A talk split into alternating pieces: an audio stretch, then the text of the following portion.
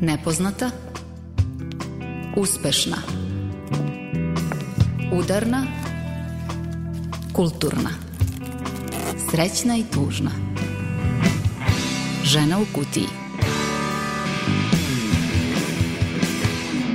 Dobar dan, ovo je Radio Novi Sad i kreće Žena u kutiji. Narednih sat vremena govorimo o radnoj eksploataciji, besplatnoj pravnoj pomoći za žene žrtve nasilja i mentalnom zdravlju. Ja sam Tamara Srijemac, uz mene je tu i ton majstor Damjan Šaš i evo šta vas očekuje u našem društvu u narednih sat vremena.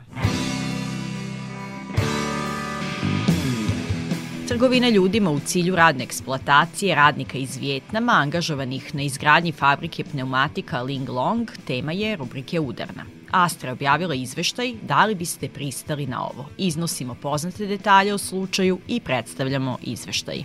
Ti ugovori su katastrofalni. Probni rad, trajanje radnog vremena, neplaćeni prekovremeni rad, neplaćeni da, rad neradnim danima, faktička nemogućnost korišćenja godišnjeg odmora, zabrana organizovanja sindikata. U rubrici Nepoznata predstavljamo novopokrenuti sajt pravne informacije za žrtve nasilja.rs na kojem su detaljna uputstva o proceduri za dobijanje besplatne pravne pomoći. U rubrici Uspešna novinar i novinarki radio televizije Vojvodine koji su dobitnici nagrade o etičkom izveštavanju o mentalnom zdravlju koju dodeljuje Institut za javno zdravlje Vojvodine. Ono što je najbitnije je kada pričamo o temama mentalnog zdravlja da razmišljamo o tome da to o čemu mi pričamo je neko preživeo. Udarna žena u kutiji. Prošlog utorka, 18. oktobra, obeležen je Evropski dan borbe protiv trgovine ljudima. Nevladina organizacija Astra je taj dan stavila u fokus ono što im je u fokusu već godinu dana, a to je trgovina ljudima u svrhu radne eksploatacije radnika iz Vjetnama angažovanih na izgradnji fabrike pneumatika Ling Long.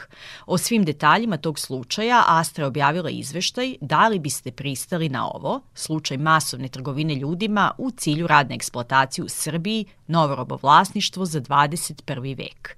Deo izveštaja, ali i informacije o tome gde smo godinu dana kasnije od dospevanja slučaja u javnost predstavljamo u Ženi u kutiji.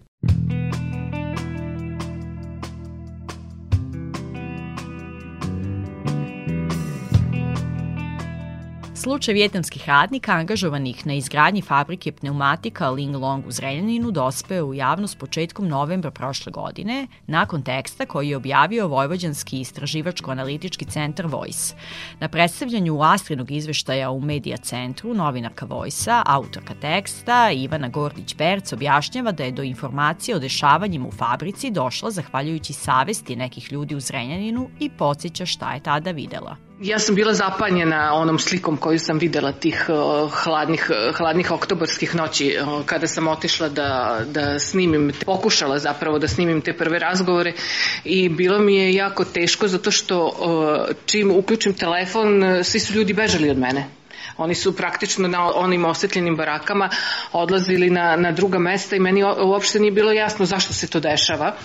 I onda sam kasnije, kada sam prošla sve što sam prošla, shvatila da je ta, to slikanje i taj, to, to proganjanje zapravo bio jedan, jedan od načina da se ti ljudi potpuno prestrave i da ne komuniciraju sa, sa ljudima. U slučaju vjetnamskih radnika, zastrašivanje se može prepoznati i u pravnim dokumentima. Kako stoji u izveštaju Astre, u ugovorima je evidentan značajan broj nepravilnosti koje ukazuju na radnu eksploataciju i ugovaranju uslova rada koji nisu u skladu sa zakonom o radu Republike Srbije i drugom relevantnom regulativom. Na primer, prvi sporazum sa agencijom u Vjetnamu kojim se praktično ugovara prinudni rad propisuje kaznu za zaposlene koji pobegnu iz kompanije tokom perioda njihovog zaposlenja u Srbiji od oko 2000 evra. Isplatu ovog iznosa garantuje član porodice radnika koji je ostao u Vjetnamu, a iznos se isplaćuje u roku od šest dana. Pitanju je nesumljivo sredstvo zastrašivanja i alat kojim se obezbeđuje poslušnost radnika tokom njihovog angažmana, kaže Mario Reljanović, predsednik udruženja Centar za dostojanstven rad i naučni saradnik na Institutu za radno pravo u Beogradu. On dodaje da mi ni danas ne znamo sve okolnosti koje prate ovaj slučaj. I osnovna dva pitanja koja su ostala po meni e, neodgovorena je kako su ti ljudi e, došli u Srbiju, Znači kako su dobili radne vize, kako su dobili radne dozvole i da li su ih dobili. Drugo pitanje koje je njihov radnopravni status. Da li mi na njih uopšte možemo da primenimo a, zakone Srbije ili kao što tvrdi a, tvrde a, neke institucije u Srbiji na njih ne može da se primeni radno pravo Srbije. Svi ostali ugovori koje su radnici potpisivali pariraju prvom. Lažna obaveštenja, ugovaranje uslova rada koji su nezakoniti, nametanje neproporcionalnih troškova radnicima, to se navodi u izveštaju antitrafiking organizacije Astra. Ti ugovori su katastrofalni. Dakle, nekoliko, ja sam čak i zapisao, nisam siguran da mogu da zapamtim šta sve nije u redu sa tim. Dakle, probni rad, trajanje radnog vremena, neplaćeni prekovremeni rad, neplaćeni da, rad neradnim danima, faktička nemogućnost korišćenja godišnjeg odmora, zabrana organizovanja sindikata, zabrana jednostranog otkazivanja ugovora od strane radnika. Kada se ti ugovori upare u nekoj pravnoj analizi sa onim sporazumima koje su oni potpisivali u Vijetnamu, a u kojima stoje neke neverovatne stvari. Dakle, tamo stoji da ako slučajno ukradete nešto ili šta je već stajalo, da će vam biti odsečena ruka, da, su, da se u Srbiji primenjuju šerijatski zakoni, mislim da se ni u, više ni u islamskim zemljama ne primenjuju takve, takve vrste zakona. Dakle, oni su bili zastrašeni da ni po koju cenu ne stupaju u kontakt sa lokalnim stanovništvom, jer smo mi neki krvoločni, krvožedni ljudi koji će im na najmanji prekršaj verovatno nešto jako loše uraditi. Mario Reljanović navodi da su uslovi rada još gori od onih koji su ugovoreni. Na prvom mestu uslovi iz oblasti bezbednosti i zdravlja na radu, ali i loši uslovi života koji su takođe povezani sa radom. Ceo sistem napravljen je tako da radnici ostanu izolovani, kaže novinarka Ivana Gordić-Perc prilikom uh, uh, građanja fabrike, prilikom angažovanja. Vi vidite da tamo ima jako malo, ovaj, jako malo prostora i glavna karakteristika je da ostanu hermetički zatvoreni i da zavedu svoj ovaj, sistem vlada na, na toj jednoj teritoriji na kojoj rade i da apsolutno ne izađe ništa napolje. E sad, naš ovaj, mentalitet je malo drugačiji pa je to ovaj, uspelo da, da izađe jer i domaći radnici koji su tamo bili su se pobunili. Astra je tokom proteklih godina prikupila sve ove podatke i napravila pomenuti izveštaj kome je on zapravo namenjen. Da bi odgovorila na ovo pitanje, Jasmina Krunić, koordinatorka za javne politike Astre i voditeljica autorskog tima izveštaja, nas podsjeća na slučaj Serbas, slučaj eksploatacije radnika iz Makedonije, Srbije i Bosne i Hercegovine u Azerbejdžanu. Taj slučaj dobio epilog na Evropskom sudu za ljudska prava nakon 13 godina.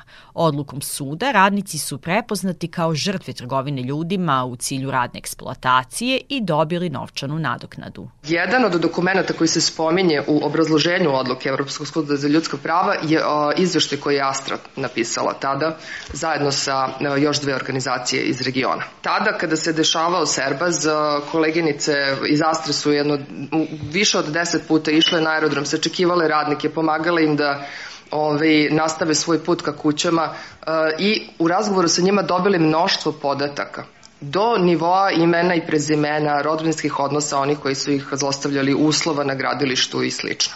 I eto, to je o, prepoznato kao validan dokaz i navedeno ima u, u odluci Evropskog suda za ljudska prava 27 puta se spominje Astra i Astrin izveštaj se citira u jedno desetak paragrafa. Nama je to bio podsticaj.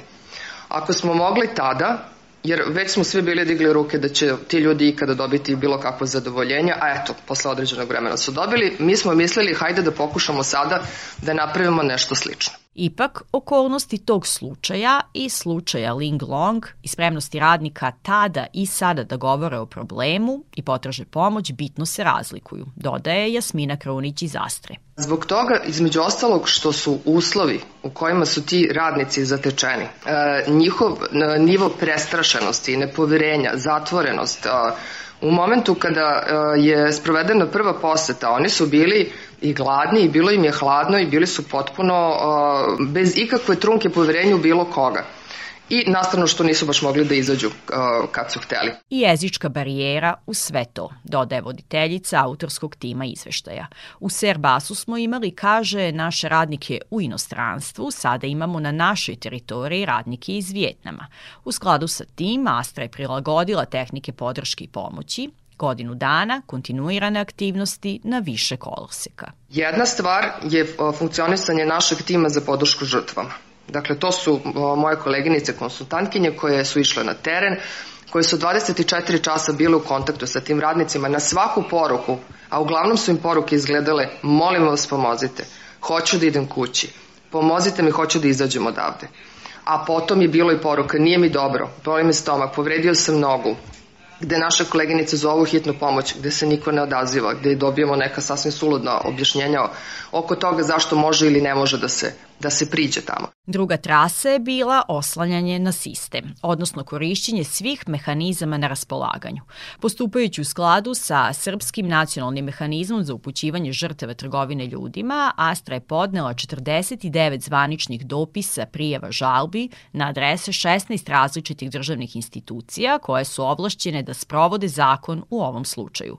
Do ovog trenutka Astra je primila samo 22 zvanična odgovora, što je 45 i to od sedam institucija. Ukazivale smo svakome u odnosu na njegovu nadležnost da se u Zrenjaninu dešava to i to i molile da reaguje u skladu sa onim što bi trebalo da radi. Ako ne bismo dobili nikakav odgovor, mi bismo pisali i tražile ponovo po osnovu zakona o dostupnosti informacije od javnih značaja, molimo vas obavestite nas šta ste uradili po tome i tome.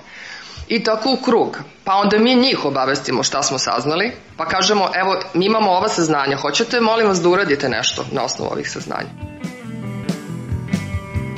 I svaki taj korak nalazi se u izveštaju a svako zapažanje, zaključak potkrepljen je izvorima provere.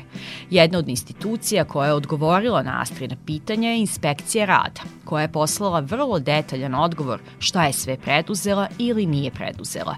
Međutim, taj odgovor je prepun kontradiktornosti, kaže Mario Reljanović. Najprije inspekcija rada tvrdi da a, su radnici koji su zatečeni tamo uglavnom ili upućeni na rad od strane stranog poslodavca, kineskog poslodavca, ili su se kretali kroz privredno društvo. Ako gledate zakon o zapošljavanju stranaca, to su dve situacije od ukupno četiri vrlo redke situacije kada se na zaposlene ne primenjuje pravo Republike Srbije. Podrazumeva se da su oni ako su upućeni ili ako se kreću kroz privredno društvo došli na vrlo kratak period da obave neki određeni posao da oni ostaju zaposleni kod stranog poslodavca i da a, u tom smislu mi na njih ne možemo da primenimo zakon a, o radu kao osnovni a, akt Republike Srbije kada je reč o radnopravnim propisima. Međutim, sve što, svi dokumenti do kojih smo došli, sve ono što sam ja analizirao u smislu sporazuma i ugovora koji su radnici e, iz Vijetnama potpisivali govori protivno ovoj tvrdnji inspekcije rada.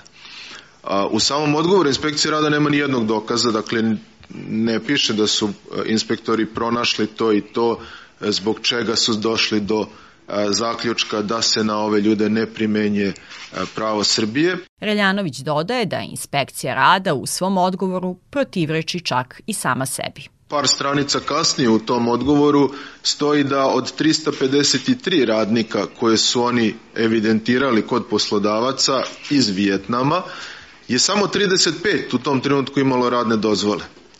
To je 10%. 90% radnika u tom trenutku nema radne dozvole. 318 ljudi nema radnu dozvolu i radi ono što mi kažemo na crno. Dakle, ne postoji pravni osnov njihovog rada ovde u Srbiji. Postavlja se pitanje kako inspekcija rada može da zaključi da su to upućena lica ili se kreće kroz privredno društvo ako ne postoji radna dozvola. Sad se postavlja jedno logično pitanje, ako je procena novinara bila između 600 i 1200 vjetnamskih radnika, sami radnici su nekim izjavama pričali da se njihov broj kreće između 700 i 1000, gde su ostali? Gde je još 350 do 700 radnika koji ne postoje, ne, znači nema ih čak ni u papirima koje inspekcija rada pregledava. Gde se oni nalaze? Kako su oni ušli u zemlju? Zbog čega su ušli u zemlju? Da li su prošli kroz sistem nacionalne službe za zapošljavanje, još važnije kroz sistem Ministarstva unutrašnjih poslova. Ako su prošli, na koju su vizu ušli? Kako su dobili radnu vizu ako nisu čak ni predviđeni za izdavanje radne dozvole? Mi godinu dana kasnije nemamo odgovore na ova pitanja. Zašto? Svoje viđenje iznosi novinarka Vojsa Ivana Gordić-Perc. Ja sam stava da je to zato što bi država od prihvatanjem činjenice da su ti ljudi u robovskom odnosu i, i, i statusu zapravo prihvatila svoje učešće u, u, u celoj ovoj priči. Da li možemo očekivati makar sličan epilog kao u slučaju Serbas? Jasmina Kraunić iz Astre kaže da je optimistično to što postoje države i trendovi u Evropskoj uniji da se zabrani promet proizvoda nastalih prinudnim radom. To je još na dalekom ovaj, štapu, kako bih rekla. Međutim, sticajem okolnosti, sa Linglong fabrikom za proizvodnju guma, barem prema onome što smo mi uspele da pronađemo, ugovore za kupovinu proizvoda pneumatika guma imaju Volkswagen i Renault. A opet sticajem okolnosti Nemačka i Francuska su dve države u Evropskoj uniji koje imaju prilično napredan okvir za sprečavanje, odnosno za odgovornost u lancu snabdevanja i takozvane korporativne odgovornosti. Naš, uh, naše delovanje sada prešlo na taj nivo. Mi smo se obratili Volkswagenu, poslali smo im ovaj izvešti i rekli molimo vas pogledajte o čemu se ovde radi, da li vi zaista želite da kupite a, proizvod koji je nastao ovako. Isto to radimo i sa Renaultom. Ali paralelno, sem što se obraćamo kompanijama, jer kompanije imaju svoju logiku, njih vodi profit, mi se obraćamo i nadležnim organima u Nemačkoj i u Francuskoj.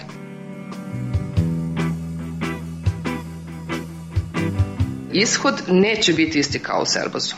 To je jasno. Znači, ovo neće na taj način uh, završiti na nekom sudu i ti ljudi koji su bili eksploatisani novembra, decembra, januara, februara, o, oni su se, većina njih se odavno vratila u Vijetnam.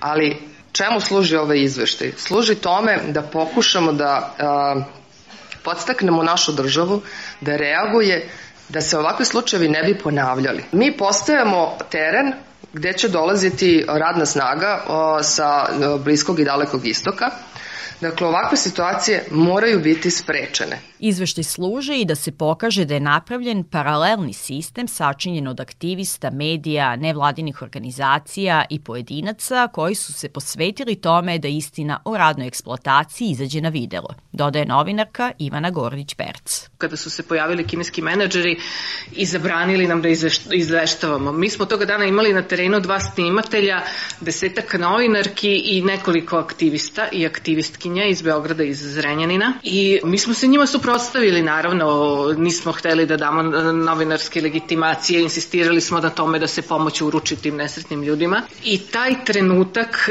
je mislim bio presudan da se vijetnamski radnici ohrabre i izađu u javnost.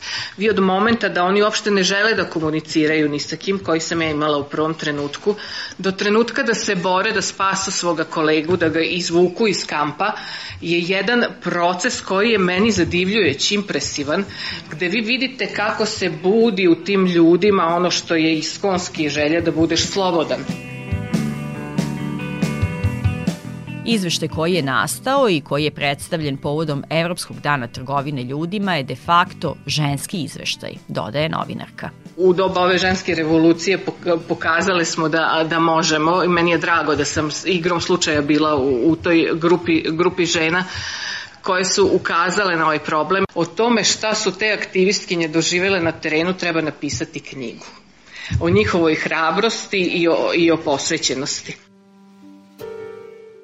Hvala svim hrabrim ženama i dobrim ljudima koji su se posvetili borbi za pravo na dostojanstven rad svih i sa ženskim glasovima nastavljamo Ženu u kutiji. Ovoga puta sa muzikom. Kant autorka Anđela Jovanović i njena pesma objavljena u ovoj godini. Vatra.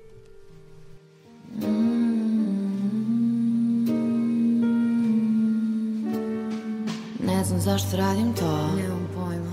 Kada znam da sve je gotovo nema više borbe. Svake noći kada zatvorim oči Vidim nas kako plovimo Negde daleko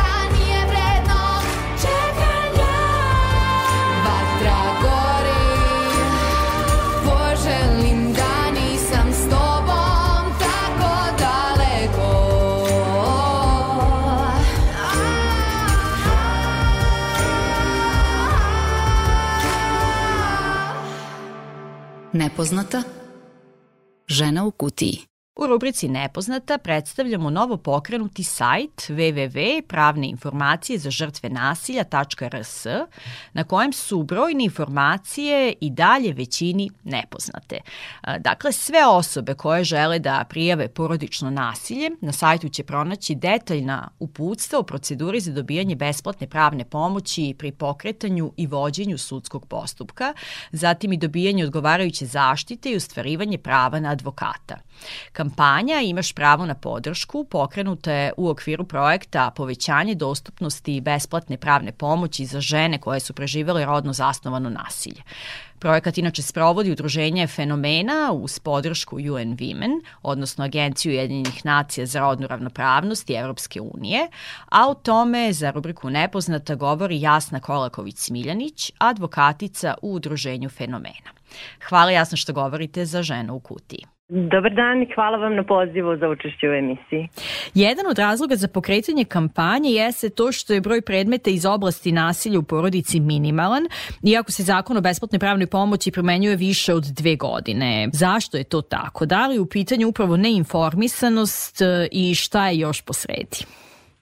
Dakle, kao što ste i pomenuli, u okviru ovog projekta Udruženje fenomena iz Kraljeva uz pomoć e, Pravnog fakulteta u Kragujevcu obavila je istraživanje o primjeni zakona o besplatnoj pravnoj pomoći, pa ću ja na ovo vaše pitanje odgovoriti preliminarnim podacima iz tog istraživanja. Izvolite. Deo istraživanja, hvala, e, deo istraživanja obuhvatio je upitnik upravo poslat advokatima.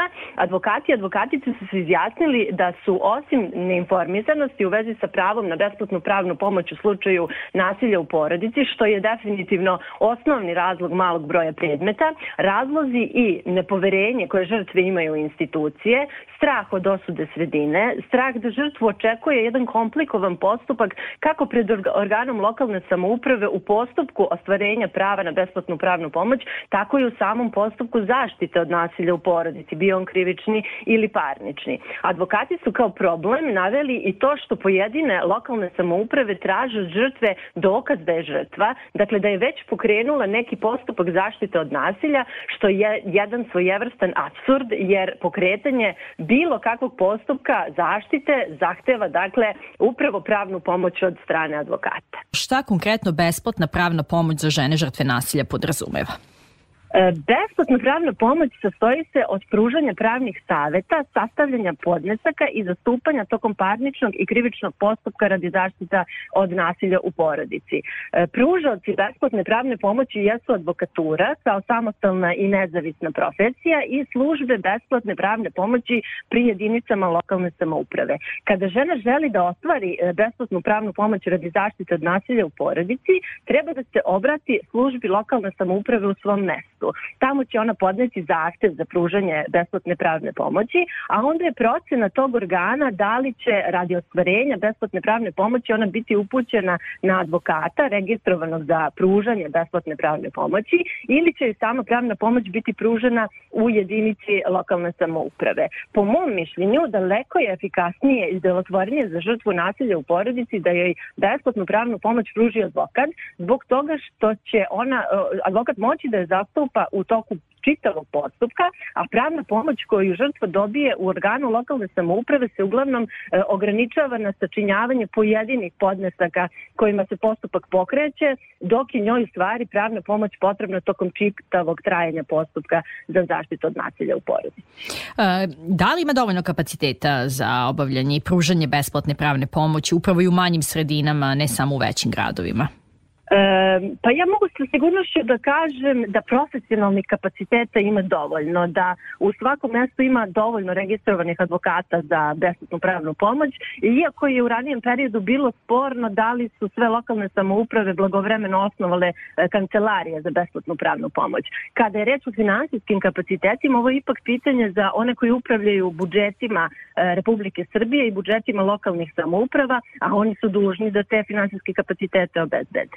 E, I tu dolazimo i do pitanja predrasuda kada je reč o besplatnoj pravnoj pomoći sa akcentom na besplatno, zato što vrlo često e, besplatno izjednačavamo sa nečim nekvalitetnim, pa hajde da razvijemo tu predrasudu. Da li možemo govoriti o stručnoj i kvalitetnoj pomoći i podršci? E, apsolutno, naročito kada je reč o, o besplatnoj pravnoj pomoći koju pruža advokatura. Dakle, mi mhm. advokati i advokatice koji se nalazimo u registru pružalaca besplatne pravne pomoći smo odabrali da pružamo pravnu pomoć upravo najugroženijim i najranjivijim e, ljudima u našem društvu, ljudima koji su pogođeni siromaštvom ili koji se nalaze u posebno ranjivim kategorijama građana, među kojima su i žrtve nasilja u porodici. Samim tim što smo to odabrali, dužni smo i rešeni da postupamo u skladu sa svim načelima profesionalnog rada i da ispratimo u stvari stvarne potrebe korisnika i korisnika.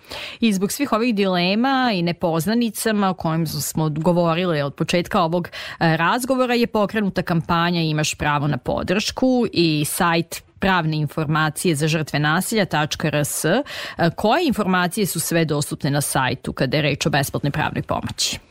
E, na sajtu postoje opšte pravne informacije koje mogu da pomognu žrtvi nasilja da se snađe i orijentiše u situaciji kada je pogođena nasiljem, a tada je ranjiva i normalno je da ima mnogo pitanja i nedoumica. E, tu su takođe odgovori na najčešće pitanja koje žrtvu muče, kao i objašnjenje procesa dobijanja besplatne pravne pomoći. Dakle, cilj je da se žrtva informiše i podstakne da se obrati organu lokalne samouprave u svom mestu kako bi ostvarila pravo na besplatne besplatnu pravnu pomoć. Ovde skrećem pažnju da se zakonom o besplatnoj pravnoj pomoći samo radi ostvarivanja zaštite od nasilja u porodici ne traži da tražilac e, pravne pomoći ispuni ekonomski kriterijum, odnosno da dokaže da je primalac socijalne pomoći ili dečijeg dodatka, e, da se ili da se će u slučaju e, plaćanja pravne pomoći to postati. Dok se u svim drugim slučajevima rodno zasnovanog nasilja prema ženama, a posebno na primjer u slučaju seksualnog nasilja, tražilac mora da ispuni taj ekonomski kriterijum, što smatramo manom ovog zakona, mm -hmm. jer ranjive kategorije iz člana 4 e, zakona o besplatnoj pravnoj pomoći treba da obuhvate upravo sve žrtve rodno zasnovanog nasilja. Dakle, ipak je uslovljeno materijalnim statusom.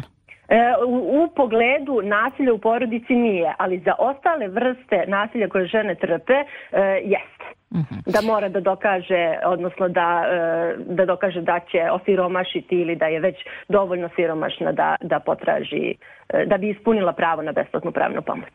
E, na sajtu se nalazi dosta zaista informacija, rekli ste i sami objašnjenje najčešćih pitanja, tu su i ona pitanja koja se odnose na sam fenomen rodno-zasnovnog nasilja, odnosno kako da prepoznamo da smo žrtve nasiljama, vrste nasilja, pa sve do zakonske regulative i nekako jeste utisak da se uh, onako podrobnije upoznajemo sa fenomenom kada uh, surfujemo po tom sajtu, ali da li postoji mogućnost komunikacije, da neko postavi dodatna anonimna pitanja.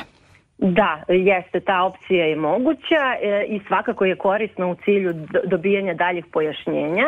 Svrha zbog koje sajt postoji jeste dakle da se žrtva bolje e, upozna sa svojim pravima koja ima kada doživi nasilje u porodici. Šta bi još bio cilj kampanje i dostupnog sajta? Čemu težimo?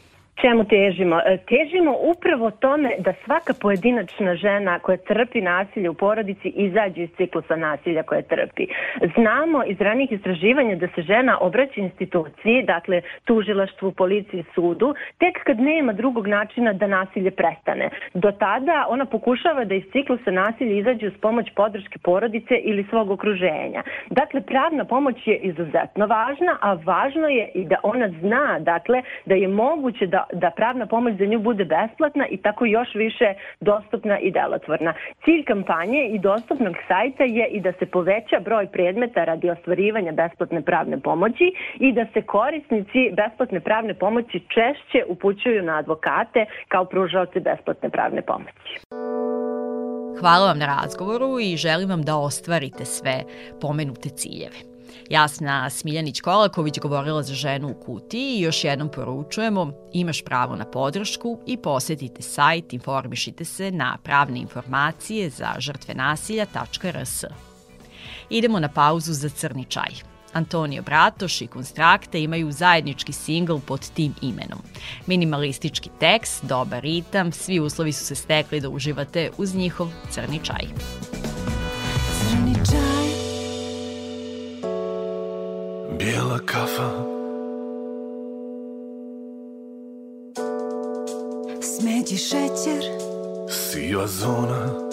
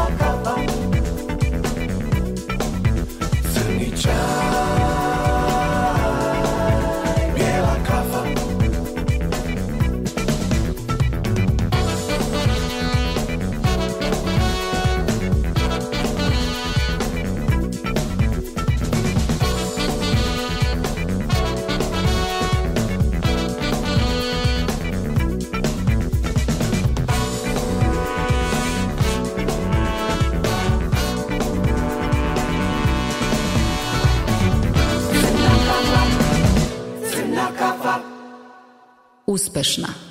Žena u kutiji. U rubrici Uspešna danas novinar i novinarka omladinskog radija Jelena Božić i Petar Klajić. Oni su dobitnici tri nagrade koje dodeljuje Institut za javno zdravlje Vojvodine u saradnji sa Opensom i Festivalom mentalnog zdravlja. Jelena Božić, dobitnice nagrade za najbolji podcast, prilog na temu mentalno zdravlje ne isključuje prisustvo neprijatnih emocija. Za pomenuti rad, Jelena je takođe dobitnica posebne nagrade za etičko izveštavanje o mentalnom zdravlju mladih zajedno sa kolegom Petrom Klajićem koji je nagradu dobio za priču Siguran prostor za besplatnu psihološku pomoć. Oboje su gosti žene u kutiji.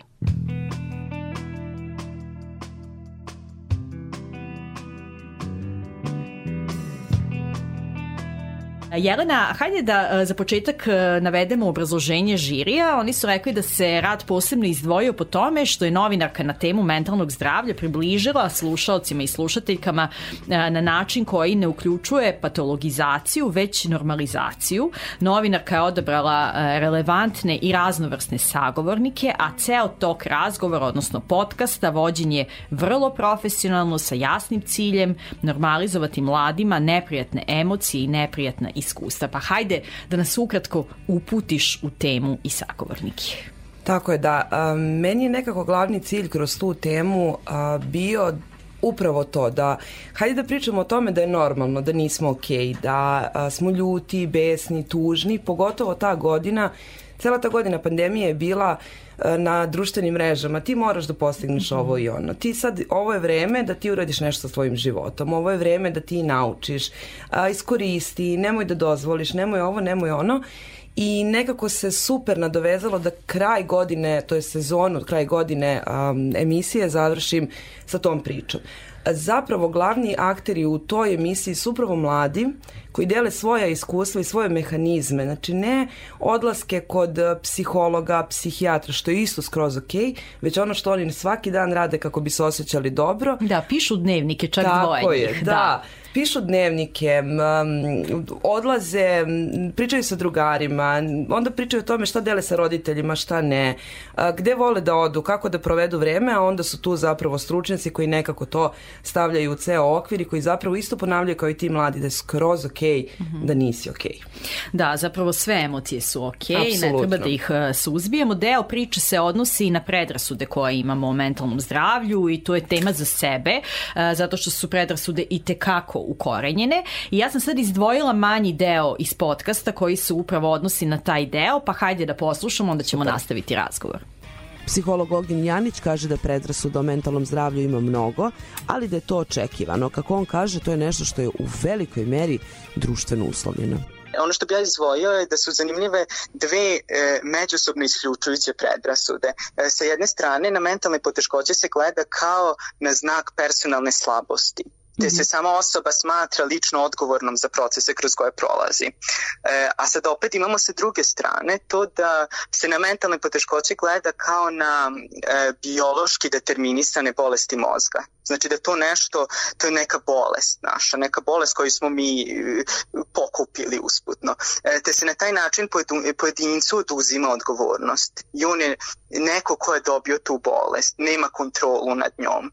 I obe, obe predrasude su pogrešne i štetne. I obe kreiraju klimu koja u izvesnoj meri invalidira e, pojedinca i koja ga, koja ga izoluje. E, što dodatno otežava pojedincu da, da zaista preuzme kontrolu nad svojim problemom te, te da ga nekako i reši.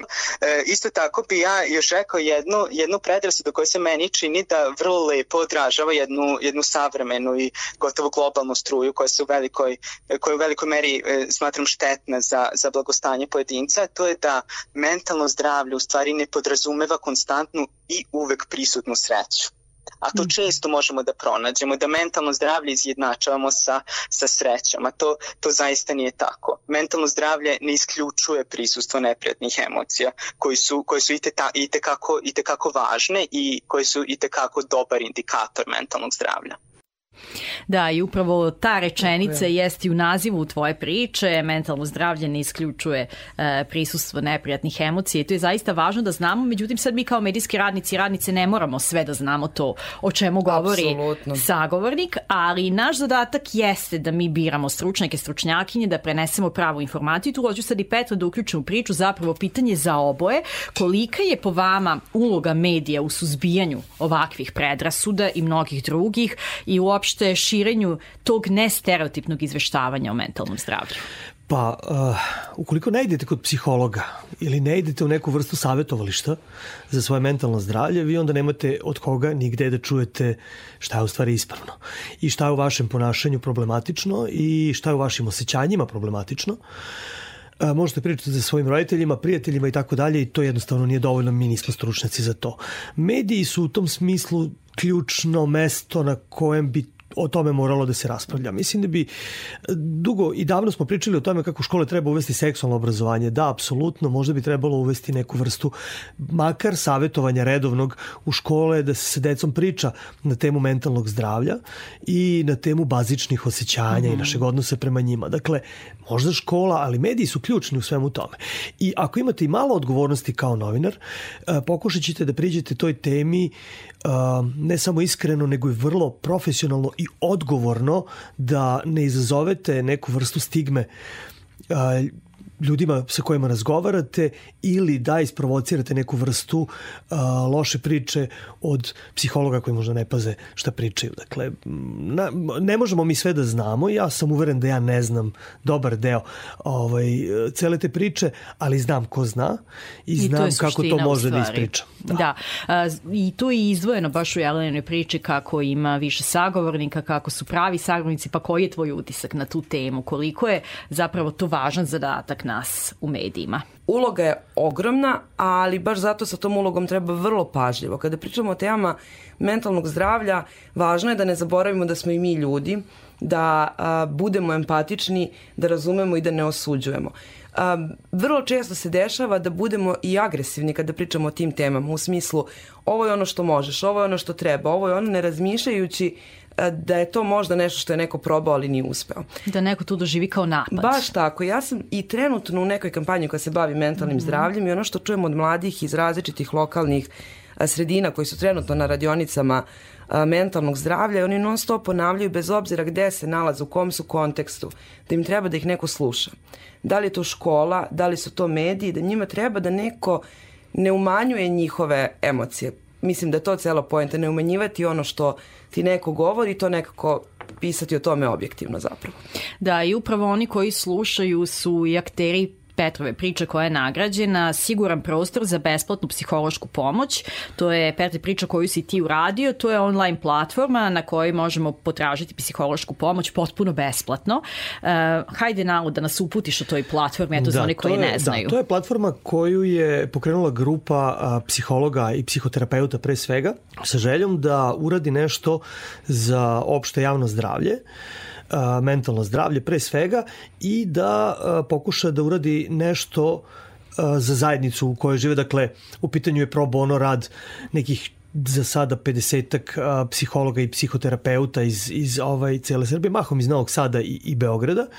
A, oni su pokrenuli tu platformu. Platforma je vrlo jednostavna. Vi uđete na nju i imate spisak psihologa i psihoterapeuta kojima možete se obratite, kliknete na jednog od njih, pošaljete mu poruku ili pošaljete opšte poruku ovaj, administratoru sajta i on će vas uputiti na prvog slobodnog psihoterapeuta. A ono što je važno isteći jeste da nije lako dobiti termin, mm -hmm. iako imamo 50 lekara koji rade na tome, zato što je pre svega navala strahovita Mm -hmm. Dakle, oni čim su znači otvorili taj... Znači da potreba taj, postoji. Potreba postoji. Ja sam, recimo, bio veoma iznenađen kada sam shvatio i kada mi je rečeno u tom razgovoru da je, kada sam pitao, ok, a ko su, vaš, ko su ljudi koji vam se obraćaju, a moja sagovornica je tada rekla da su to uglavnom mladi. Dakle, ne mladi 50%, nego mladi 75 i više mm. od 100, što nam govori dve stvari. A, ili su, odnosno su mladi i svesni svojih ovaj, svojih nedostataka i da žele da ih isprave, nemaju tu vrstu stigme u glavi, u da li ću se obratiti psihologu ili neću. To je jedna stvar, a druga stvar da mladi trpe ogroman pritisak u današnjem društvu. Da, i to su stvari koje se pomeraju, nije toliko tabu pričati o mentalnom zdravlju tim mlađim generacijama. E, hajde da se vratimo na priču naše struke. Vaše priče se upravo obraćaju ljudima kojima je potrebna emotivna podrška, donose te prave informacije, na pravo mesto prave sagovornike, nisu priče koje jure senzaciju. Da li toga ima dovoljno u novinarstvu? Kakav je utisak? Pa možda uh, postoje dve vrste novinarstva ili bar postoje, ovaj, barem kod nas, uh, javni servis još nekako i hoće da se mm -hmm. bave takvim temama, mi imamo prostora za to, imamo vremena. I zakon imamo, nas na kraju krajeva obavezuje. Zakon nas obavezuje ne samo da zabavimo ljude nego, i da ih informišemo, nego i da ih edukujemo i ovo bi moglo da spada u, u tu oblast, recimo neke vrste edukacije ovaj, naših, naših građana. Tako da mi to možemo da radimo. Od tabloida ne očekujem takvu priču zato što njima to njima to neće biti lukrativno i ne, ne verujem da će, ne, da će se čitati. Dakle, moj odgovor je ne, nema dovoljno u medijima, ne govori se dovoljno ili čak i kad se govori, govori se na vrlo pogrešan način. Samo uđite na bilo koje web portala koji se bavi novinarstvom na takav način. Pa hajde malo edukaciju onda Jelena, baš to što je Petar sada spomenuo, vrlo neetički, vrlo često senzacije ispred etike, na šta treba da obratimo pažnju i šta moramo imati na umu kada izveštavamo o ovakvim temama? Ono što je najbitnije je, kada pričamo o temama mentalnog zdravlja, da razmišljamo o tome da to o čemu mi pričamo je neko preživeo. I to je prva stvar. Druga stvar je da nikada bez obzira koliko se nama kao autorima čini da je nešto bezazleno, ne umanjujemo ono što neko može da osjeća ili oseti kada pročita našu priču. Još dve stvari bih izdvojila dva, tri, četiri, pet puta proći, jer a, ništa gore nego izazivanje retraumatizacije, odnosno mm -hmm. pričom, voditi računa o tome da je to nekako a, nežno, kao što kažemo nežno prema sebi, tako i kada pričamo o temama mentalnog zdravlja. I mislim da je isto veoma važno i skroz ok. Apsolutno ne moraju svi novinari da se bave svim temama i budu stručnjaci u svim oblastima, ali ako osetimo da možemo da zalazimo u ove teme, onda mislim da treba malo i da se senzibilišemo za to nekako, da pričamo sa tim ljudima i isto meni je dosta pomoglo a, da pričam sa svojim sagovornicima, da dosta ih tih upoznam pre tog snimanja, da se oni nekako otvore, da imaju poverenja ovo treba da bude novinarstvo koje ohrabruje, daje podršku, nudi rešenja za probleme i daje neke nove načine kako možemo da se suočimo sa problemima koje imamo. Da, hvala ti na tome što si sada rekla. U obe priče se spominje COVID, pandemija, izolacija kao nekaj uh, okidač uh, kada mm. su zapravo nastale. Vaše priče, Petro, ti si već spomenuo da nema dovoljno ovih tema u medijima, nema. a da li je utisak možda upravo da od covid da je to možda bio neki okidač i, i u našoj struci, pa se možda više spremni smo da se bavimo ovim temama. Jeste, dobro si primetila zato što smo mi počeli malo više se bavimo ovim temama iz dva razloga. Prvi zato što je pandemija pokazala da je broj tema o kojima možemo da pričamo vrlo ograničen u uslovima totalnog mm. zatvaranja i tako dalje.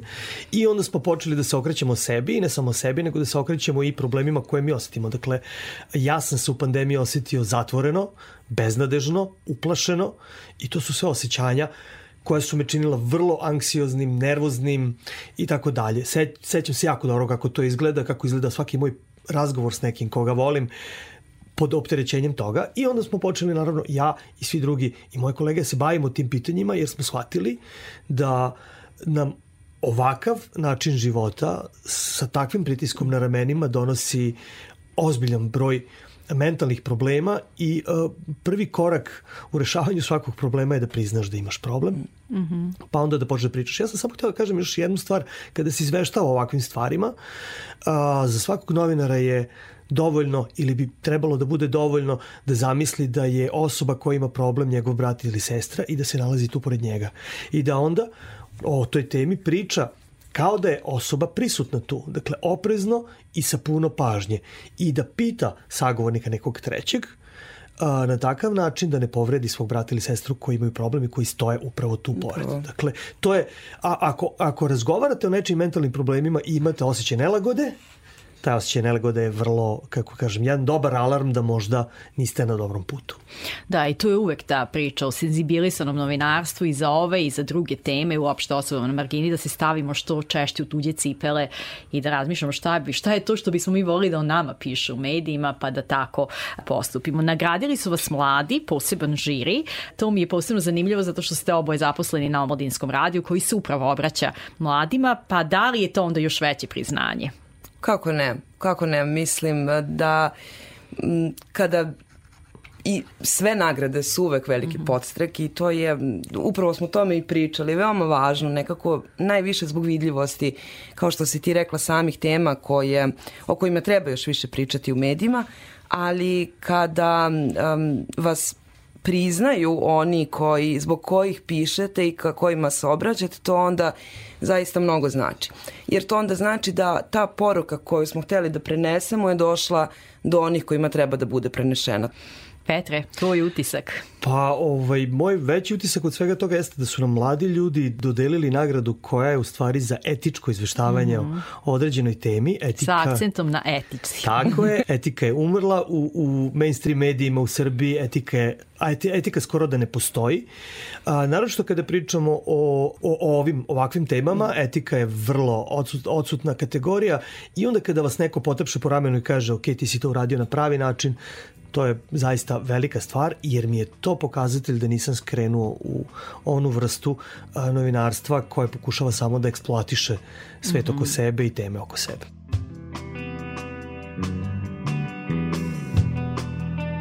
Radio Televizija Vojvodine, čiji je o radio deo, ima još jednog dobitnika, tačnije dobitnicu, i to u kategoriji TV prilog. Nagradu je dobila Jovana Kožlović za priču Mentalno zdravlje sportista, medalje kao okovi.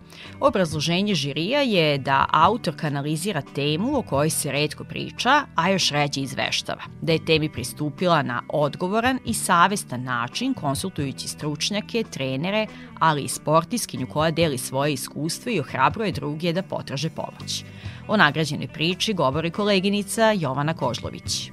Negde od kad se bavim novinarstvom najviše sam u sportu i upoznala sam dosta sportista i u početku sam ih i ja doživljavala onako kao nepobedive, ali kako sam provodila sve više vremena sa njima i upoznala veliki broj njih, e, negde kroz razgovor sam shvatila da su i oni obični ljudi sa problemima, sa porodicama, sa privatnim životom, da su to mladi ljudi koji se suočavaju sa raznoraznim izazovima, a onda kad treba o svemu tome da pričaju, mnogo im je teže, kao da im je zabranjeno da, da u određenim trenucima budu mentalno slabiji. Znači, ako neko može, ne znam, da istrači trku za 10 sekundi, da postigne 30 koševa, da da 3 gola, pa njemu nije dozvoljeno da ima loš dan, da, da bude anksiozan, da bude depresivan. A posebno me inspirisalo što sam cijelo leto negde radila sa uh, našim basketašima i kada su se pripremali za odlazak na evropsko prvenstvo, a dva meseca pre toga su osvojili peto svetsko uh, zlato. Uh, oni su me pozvali i rekli danas ne možemo da pričamo, nešto smo pali. Moram priznati, bila sam ljuta i onda sam malo razmislila kao, ok, hajde sad da vidimo o čemu se radi I onda su mi oni dosta pomogli oko toga, negde onako kroz neke neformalne razgovore i naravno onda sam u celu priču uključila i sportskog psihologa i trenere i devojku, na, e, našu poznatu džudijskinju Maricu Perišić, koja je stvarno hvala na tome što je smogla snage da priča da trenutno ima problem sa kojim se bori. Marica Perišić koja je smogla snage i rekla ljudi ja sam potražila pomoć, meni je trenutno teško, hajde potražite i vi. Čestitke još jednom Jeleni, Peri i Ovani, a hvala i svima vama koji ste nas budno pratili u prethodnih 50 minuta. Novo druženje zakazujemo za dve sedmice. Do tada vas pozdravljamo. Ton majstor Damjan Šaš i ja, Tamara Srijemac. Hvala vam na slušanju i doviđenja.